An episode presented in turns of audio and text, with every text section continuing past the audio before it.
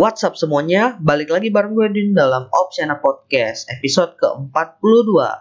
Di episode 42 kali ini gue bakal bahas tentang Pay Later. Eits, tunggu dulu karena pembahasan lengkapnya akan gue mulai setelah opening berikut ini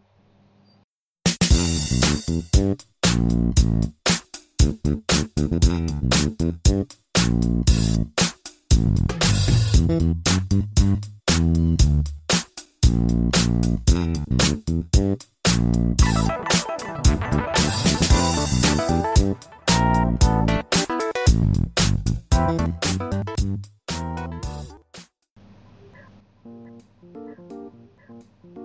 semuanya, balik lagi bareng gue Dun dalam segmen studi kasus. Di segmen studi kasus kali ini gue pengen bahas tentang pay later. Jadi gue pengen bahas lebih detail tentang pay later itu sebenarnya apa. Kemudian gue pengen membandingkan nih pay later di Indonesia yang dikeluarkan oleh beberapa perusahaan.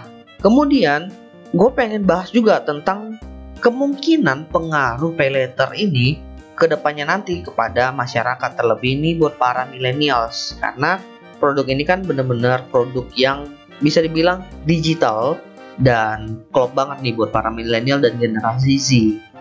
Kenapa gue bahas ini? Karena menurut gue pay letter ini adalah produk yang sangat bagus dan bisa dibilang inovatif.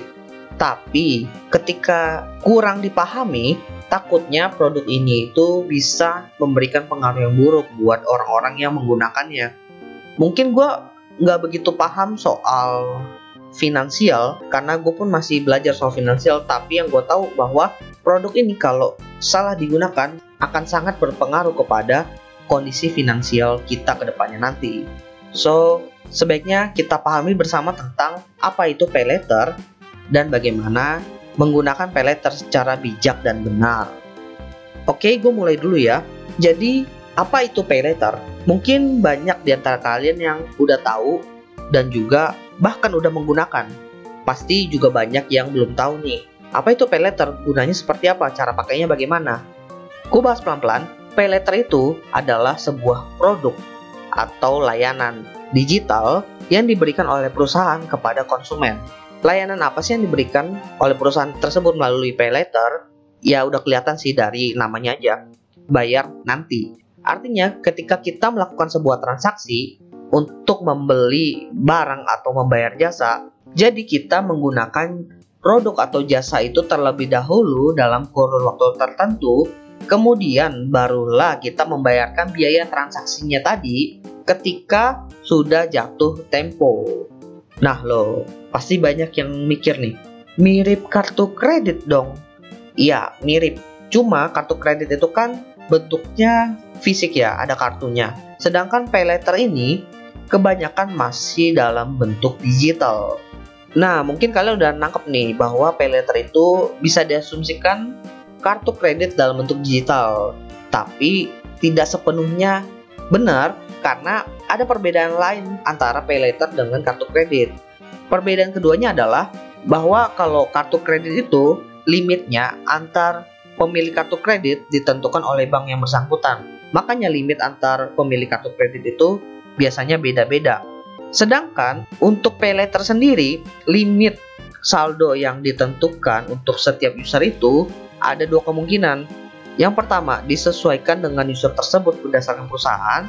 Dan yang kedua, benar-benar diketok oleh perusahaan. Segini saldonya untuk semua user. Seperti itu. Kemudian, perbedaan ketiga di antara kartu kredit dan juga pay letter adalah proses pengajuannya. Untuk pengajuan kartu kredit itu bisa dibilang butuh banyak dokumen dan terkesan berbelit-belit. Well, mungkin buat para millennials agak sedikit, ah gue malesnya main ribet-ribet. Oke lah, pay letter aja. Ya, pay letter itu memang proses pengajuannya itu lebih cepat dan lebih mudah. Toh tinggal foto KTP, foto NPWP, lalu diupload via internet seperti itu. Tapi nggak menutup kemungkinan bahwa perusahaan yang bersangkutan minta dokumen aslinya dikirimkan kepada perusahaan tersebut. Tapi sih rata-rata ya penyedia pay letter itu mintanya via digital aja, jadi tinggal upload. Ini umumnya ya. Kemudian lanjut ke topik selanjutnya. gue pengen membandingkan pay later yang ada di Indonesia berdasarkan perusahaan-perusahaan yang bersangkutan. Mungkin di antara kalian belum begitu tahu nih perusahaan apa aja sih yang menyediakan pay later. Gue bakal menyebutkan tiga perusahaan aja karena menurut gue ketiga perusahaan ini jasanya itu udah banyak digunakan di Indonesia dan ketika mereka menerapkan pay later akan berdampak besar kepada kehidupan kita kalau benar-benar kita menggunakan pay later ini. Yang pertama adalah Traveloka Pay Later, yang kedua OVO Pay Later, dan yang ketiga GoPay Pay Later. Nah, langsung kebayang nih. Oke, berarti pay letternya untuk produk mereka. Berarti banyak nih yang bisa gue pakai dari pay letter yang mereka sediakan. Nah, itulah yang pengen gue bandingkan. Gue pertama akan membandingkan dari segi limit saldo yang disediakan oleh perusahaan-perusahaan tersebut. Dari perusahaan Traveloka, gue dapat info ini dari web mereka. Jadi limit maksimal yang diberikan oleh Traveloka kepada user ketika menggunakan pay letter mereka maksimal 50 juta rupiah. Kemudian untuk OVO, ini gue dapat dari aplikasi mereka, limit maksimal yang diberikan oleh perusahaan OVO kepada user yang menggunakan pay letter adalah 10 juta. Dan yang ketiga, dari GoPay, mereka itu memiliki limit sebanyak 500 ribu. Ini juga gue tahu dari aplikasi mereka. Jadi itu dari segi saldo atau batasan limit yang diberikan oleh perusahaan tersebut kepada usernya. Kemudian perbandingan yang kedua yang pengen gue bahas adalah fitur-fitur apa aja yang sudah bisa diterapkan dengan pay letter ini. Jadi dari Traveloka yang gue baca, mereka itu menyediakan pay letter ini untuk transaksi-transaksi dalam produk satu pembelian tiket pesawat, booking hotel, tiket kereta, attraction and activity ya lebih ke arah uh, traveling mungkin atau beli tiket buat atraksi, tiket bus, penyewaan mobil, makan, nonton bioskop, biaya ruangan, artinya lu udah booking hotel lalu mungkin ada budget-budget dalam ruangan itu misalnya mungkin tambahan kasur, lalu beberapa transportasi lainnya seperti itu. Kemudian untuk OVO yang pasti semua produk yang atau jasa yang diberikan di aplikasi OVO tersebut. Dan yang gue tahu satu lagi, pas itu gue buka Tokopedia, mereka itu udah bisa menerapkan yang namanya OVO Pay Later di Tokopedia. Jadi lu belanja di Tokopedia, tapi pembayarannya itu dengan OVO Pay Later. Meskipun pas gue coba, Pay Laternya itu belum bisa sih.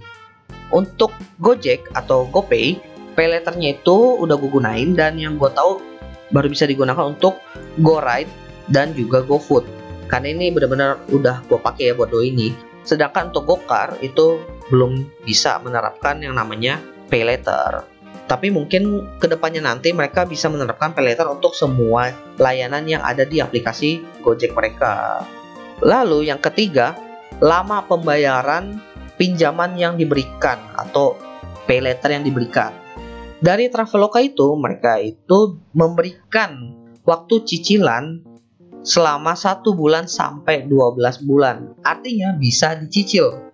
Kalau OVO, gue belum menemukan informasi yang lebih lengkap sih soal pay letter ini dan pembayarannya. Karena di aplikasi gue sendiri itu masih tulisan coming soon. Tapi kemungkinan sih di akhir bulan langsung harus bayar lunas. Lalu untuk Gojek Pay Later pembayarannya itu setiap akhir bulan. Jadi tok akhir bulan sampai tanggal 1 itu benar-benar harus dibayar lunas. Kemudian poin keempat yang pengen gue bandingin di sini adalah fee penggunaan. Nah ini cukup penting nih. Untuk Traveloka sendiri, biaya bulanannya untuk penggunaan pay letter adalah sekitar 2,14% sampai 4,78 per bulan. Untuk OVO, karena di aplikasi gue sendiri masih tulisannya kami soon, gue belum ada informasi lengkap tentang berapa besar sih fee dari penggunaan OVO Pay Letter ini. Jadi kita pending dulu untuk fee-nya OVO Pay Letter. Tapi yang pasti harusnya untuk Pay Letter ini harus ada biaya bulanannya sih kalau enggak ya rugi juga buat perusahaan mereka. Kemudian untuk Gojek Pay Letter biaya bulanannya itu sekitar 12.500 per bulan.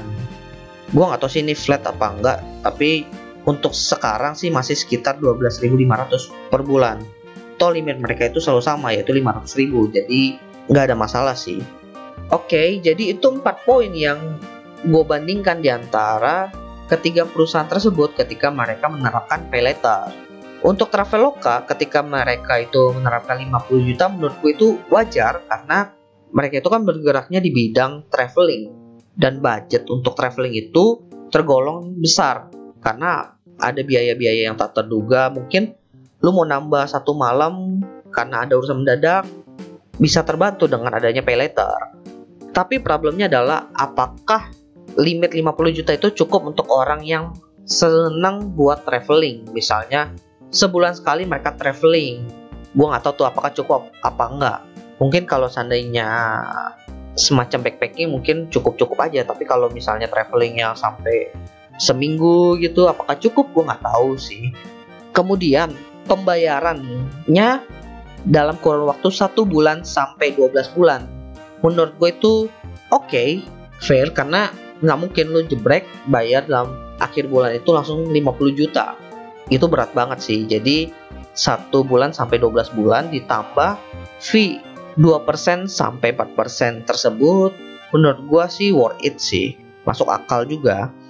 Kemudian untuk OVO ketika mereka itu akan menerapkan pay letter gua nggak tahu sih ini benar udah bisa dipakai apa belum karena di guanya belum bisa dipakai masih tulisannya coming soon meskipun di aplikasi itu udah ada uh, icon OVO pay letter tapi kalau ini bisa diterapkan, menurut gua ini sih bisa dipakai untuk berbelanja dan gua rasa bakal banyak banget yang make OVO Pay Later ini. Toh udah terkoneksi dengan Tokopedia. Kapan lagi lu belanja barang murah di Tokopedia bayarnya juga nanti di akhir bulan. Tapi untuk limit 10 juta dengan pembayaran kemungkinan di akhir bulan itu menurut gue sih mungkin berat. Tapi kalau seandainya OVO ini nanti menerapkan pembayaran mungkin dalam kurun waktu 1 sampai 3 bulan bisa dibilang cukup membantu sih atau bisa dibilang ringan lah untuk para usernya karena 10 juta itu dibagi 3 bulan jadinya 3 juta lebih lah kan jadi lebih ringan gitu. Sebenarnya itu masih tergolong berat sih kalau lu langsung bayar 3 juta tapi ya resiko lah. Mungkin maksimal 6 bulan mungkin kita juga nggak ada yang tahu. Itu balik lagi ketika produknya benar-benar udah launching dan banyak yang menggunakan baru kita bisa tahu nih apakah waktunya itu benar-benar sesuai apa enggak ini kan kita masih nebak-nebak. Kemudian untuk Gojek Pay Later menurut gua limit yang diberikan itu tergolong kecil 500 ribu ini sebenarnya uh, juga berdasarkan pengalaman penggunaan dari gue sendiri ya tapi karena limitnya kecil, menurut gue pembayaran di akhir bulan untuk satu bulan itu cukup worth it. Karena 500 ribu sebulan itu mungkin pendapatan orang pun masih lebih dari segitulah. Jadi masuk akal sih kalau lu bayar 500 ribu di akhir bulan untuk Gojek Pay Later ini. Tapi ingat sih, itu kalau lu benar-benar nyampe 500 ribu. Ya total 512.500 lah ditambah dengan fee fee-nya bisa dibilang juga nggak terlalu gede sih, masih 12.500. Gua nggak tahu apakah nanti akan terjadi peningkatan. Ya tergantung juga dari kebijakan perusahaan si Gojek ini. Tapi penerapan fee yang flat ini menurut gua cukup gimana ya? Ada plus minusnya lah. Plusnya itu ya perhitungan lu selalu tok ditambah dengan 12.500 sedangkan kalau lu pakai persenan takutnya ketika ada kenaikan persenannya itu bisa mempengaruhi angka secara signifikan. Kemudian kita asumsikan ketika ketiga produk ini dari ketiga perusahaan ini atau mungkin banyak perusahaan udah menerapkan pay letternya. Jadi kita bisa melakukan semua transaksi dengan pay letter. Kemungkinan besar orang banyak yang pakai karena ini kan jatuhnya mirip dengan kartu kredit. Dampaknya bakal banyak transaksi dengan pay letter, yaitu fix sih. Cuma balik lagi nih, apakah perusahaan yang memberikan jasa atau layanan ini mampu memberikan layanan kepada semua usernya secara sekaligus? Karena kan kalau bank kartu kredit itu mereka itu punya perhitungan sendiri, makanya mereka itu bisa memberikan pinjaman kepada orang tertentu, sedangkan yang lain mungkin nggak dapat pinjaman. Tapi kalau perusahaan ini kan semuanya bisa dapat. Apakah mereka mampu gitu buat ngasih asumsi ke semua orang dalam kurun waktu yang bersamaan. Well, mungkin ini sih nggak mungkin terjadi, tapi kan namanya juga asumsi ya. Kalau bank itu kan masih ada backingan dari BI. Apakah perusahaan itu juga dapat backingan dari BI? Gue juga nggak tahu.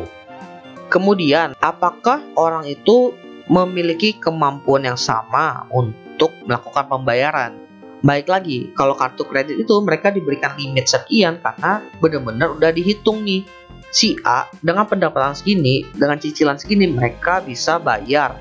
Tapi kan kalau pay letter itu ya cuma KTP, NPWP, jebret, udah lu bisa pakai nih 10 juta misalnya. Cicilannya 3 juta per bulan.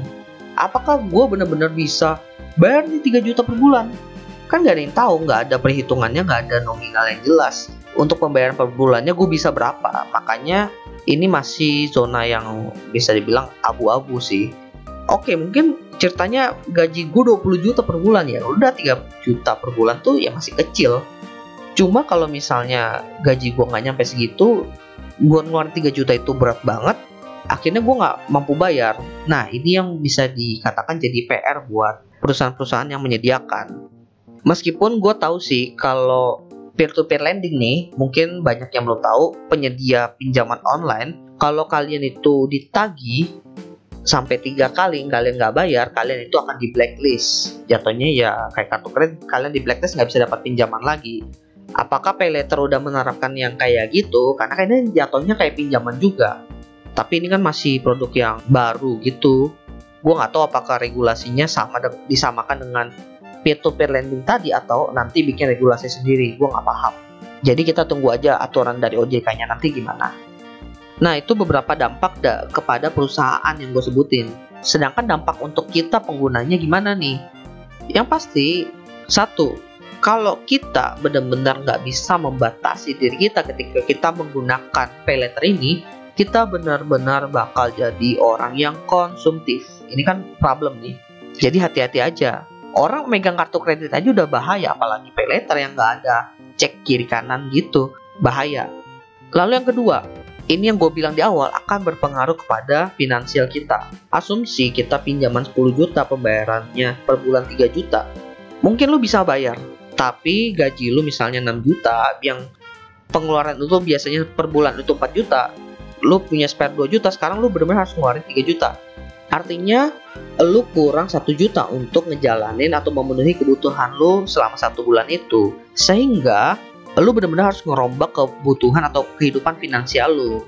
Dan biasanya itu sih berat banget. Mungkin ada yang biasa investasinya sejuta karena mereka harus bayar cicilan 3 juta jadi dikurangin jadi 500 ribu. Gak ada yang tahu sih. Itu balik lagi ke masing-masing orangnya. Kemudian dampak ketiganya adalah kalau lu nggak mampu untuk membayar ini, lu benar-benar di blacklist dari nasabah yang bisa melakukan pinjaman. Dan kalau lu misalnya udah kena blacklist, ngurusinnya setahu gue sih susah ya. Gue baca artikel dan juga pengalaman dari beberapa saudara gue yang kena blacklist dan beberapa klien gue juga. Katanya sih kalau udah di blacklist tuh susah banget ngurusnya dan belum tentu diterima. Jadi sih hati-hati aja meskipun pay itu kan masih belum jelas sih atau masih belum transparan ya ikutin aturan mana cuma kalau kita lihat dari yang peer to peer lending pinjaman itu itu kan fix bakal di blacklist. Kalau seandainya pay ini ngikutin yang peer to peer lending dan kalau lo kena blacklist udah tamat riwayat lo dan itu balik lagi berdampak ke kehidupan finansial lo lo nggak bakal bisa dapat pinjaman lagi dari bank nggak bisa dapat pinjaman lagi dari peminjaman online. Akhirnya lu harus minjem ke kenalan lu dan itu pun belum tentu dikasih. Karena kan biasanya kalau kalian itu minta pinjaman dari bank atau dari pinjaman online, kalian mereferensikan kenalan kalian. Dan biasanya kalau kalian nggak mampu bayar kan kesebar tuh infonya ke kenalan kalian dan makin susah lagi kalian dapat pinjaman. Seperti itu gue udah bahas nih soal problem dari pay gue udah ngebandingin pay dari beberapa perusahaan. Sekarang, gimana sih cara menggunakan pay ini secara bijak sehingga kita itu bisa terhindar dari sifat yang konsumtif dan juga mungkin problem finansial lainnya. Jadi pertama kita harus punya mindset gini dulu, bahwa Melalui pay ini, kita itu diberikan uang, tapi uang yang diberikan itu ya pasti bukanlah uang milik kita. Jadi, jangan gunakan uang itu ketika kita tidak dalam kondisi yang terdesak. Lalu dari gue sendiri, karena gue udah menggunakan pay dari Gojek, menurut gue lebih baik kalian menggunakan pay dengan limit yang kecil. Kenapa? Karena kemungkinan kalian untuk membayar pay tersebut lebih besar. Karena kan limit yang diberikan itu kecil. Ketimbang kalian itu menggunakan pay yang nominalnya itu bisa sampai puluhan juta. Itu berbahaya sih. Lagi pula kan kenapa gue memilih menggunakan limit yang kecil itu karena gue itu sendiri udah membuat list pengeluaran gue sebulan berapa. Salah satunya itu dari biaya transport dan biaya transport ini dengan adanya pay ini gue bisa lebih terarah. Toh budgetnya udah dilimitin kok dari si pay ini. Jadi gue tinggal alokasiin ke sana. Jadi nggak perlu pusing-pusing lagi. Ketimbang gue transfer satu-satu, jadinya kadang-kadang bisa membengkak seperti itu. Lalu untuk pay dengan limit yang tergolong besar itu bagaimana? Ketika kalian benar-benar udah terlanjur menggunakan pay yang besar, sebaiknya kalian itu mempersiapkan dengan memilih pay yang cicilannya itu punya jangka waktu yang panjang sehingga kondisi kalian itu bisa dikatakan aman lah dengan biaya atau cicilan bulanan yang kecil seperti itu tapi dari teman-teman gue sih yang traveling mereka itu biasanya traveling juga menggunakan kartu kredit mereka itu bilang sebaiknya lu ngelisin dulu beberapa keperluan lu dan juga biaya-biaya yang bakal lu keluarkan nanti ketika lu traveling ditambah kemungkinan-kemungkinan untuk biaya darurat. Lalu ketika lu mulai mengeluarkan dananya, jangan menggunakan pay itu untuk ngebayarin semua list yang udah lu sebutin tadi. Kan jadinya berat. Kalau bisa kalian sediakan cash dengan nominal yang cukup besar lebih besar daripada persentase pay yang akan kalian gunakan nanti. Dengan begitu cicilan bulanan kalian nantinya nggak bakal membengkak. Lalu yang ketiga, ketika kalian benar-benar ingin menggunakan pay letter, gunakanlah untuk membeli kebutuhan kalian yang benar-benar kalian butuhkan. Jangan beli barang yang hanya karena kalian, wih keren nih, wih bagus nih. Jangan, Jangan beli karena nafsu, belilah karena kalian butuh. Karena kan banyak banget tuh kasus orang belanja karena dia itu terbawa nafsu. Ya jatuhnya sih jadi beban buat kehidupan finansial dia. Lalu yang keempat, ketika kalian ingin menggunakan pay letter, perhitungkanlah bunga atau fee yang akan kalian tambahkan ke dalam cicilan kalian itu. Jadi balik lagi, kalian juga harus ngehitung atau mau melakukan perhitungan, melakukan kalkulasi terhadap biaya yang nanti akan kalian keluarkan setiap bulannya. Dan yang terakhir, gunakanlah pay letter yang dimiliki oleh perusahaan yang telah memiliki regulasi yang tepat dan dijamin oleh OJK. Itu yang pertama. Yang kedua, pastikan bahwa produk pay letter mereka itu sudah jelas secara konsep bagaimana pembayarannya, bagaimana cara pembayarannya, ditagihnya kapan, limitnya berapa, bunganya berapa, pokoknya semuanya itu udah jelas bisa digunakan untuk apa aja. Dengan begitu kalian bisa menggunakannya dengan bijak juga dan kalian merasa aman lah karena kalian udah jelas nih regulasi yang diberikan oleh perusahaan itu seperti apa. Oke, jadi itu aja yang pengen gue bahas di studi kasus kali ini. Semoga bermanfaat Jangan lupa follow Instagram Opsiana di @opsiana_media karena kalian akan mendapatkan info-info menarik seputar bisnis, teknologi, dan karir. Dan kalau misalnya kalian ada feedback juga terhadap studi kasus kali ini, kalian bisa komen di Instagram Opsiana tadi. Jadi opsi ada di tangan kalian. Di era sekarang banyak banget teknologi yang mempermudah kehidupan manusia. Salah satunya di bidang finansial. Tapi bijaklah dalam menggunakan teknologi tersebut karena jika tidak bijak, akan berdampak besar kepada hidup kalian. Sekian dari gue Edwin, Opsiana Podcast. Thank you.